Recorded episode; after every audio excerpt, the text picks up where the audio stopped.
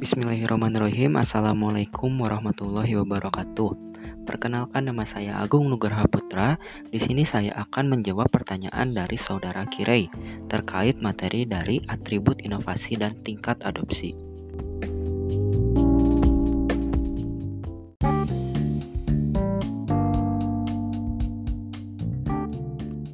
Adapun pertanyaan dari saudara Kirei adalah apa hubungan antara atribut inovasi dengan saluran komunikasi?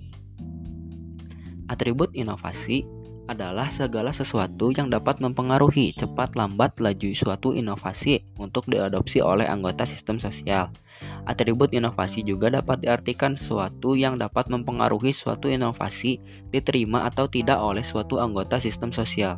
Everett M. Rogers mengemukakan bahwa ada lima atribut inovasi. 1 yaitu keuntungan relatif. Sejauh mana suatu inovasi dianggap menguntungkan bagi penerimanya.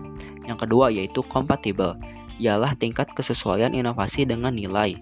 Yang ketiga yaitu ada kompleksitas, ialah tingkat kesukaran untuk memahami dan menggunakan inovasi bagi penerima. Yang keempat yaitu ada trialiabilitas, ialah dapat dicoba atau tidaknya suatu inovasi oleh penerimanya. Yang terakhir yaitu ada dapat diamati, ialah mudah tidaknya diamati suatu hasil inovasi dengan berbagai macam atribut inovasi yang dapat mempengaruhi cepat atau lambatnya penerimaan suatu inovasi.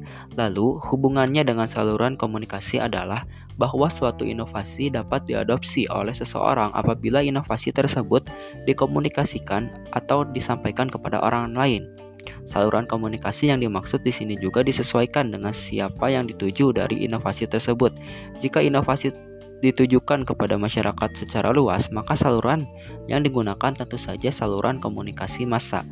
Jika yang dituju individu, maka saluran yang digunakan adalah saluran komunikasi personal.